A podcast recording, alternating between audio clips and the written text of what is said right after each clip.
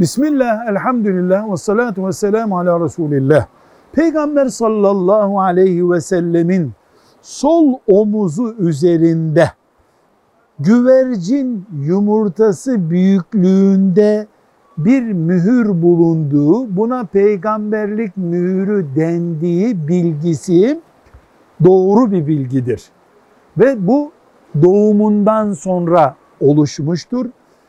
Ashab-ı kiramdan Cabir bin Semure radıyallahu anh Müslim'de 2345 numaralı hadisteki rivayete göre bunu gördüğünü söylemiştir. Böyle bir bilgi doğru bir bilgidir. Nasıldı, nedendi, Allah niye böyle yarattı bu soruların cevabı gereksiz ve bilinmeyen şeyler. Velhamdülillahi Rabbil Alemin.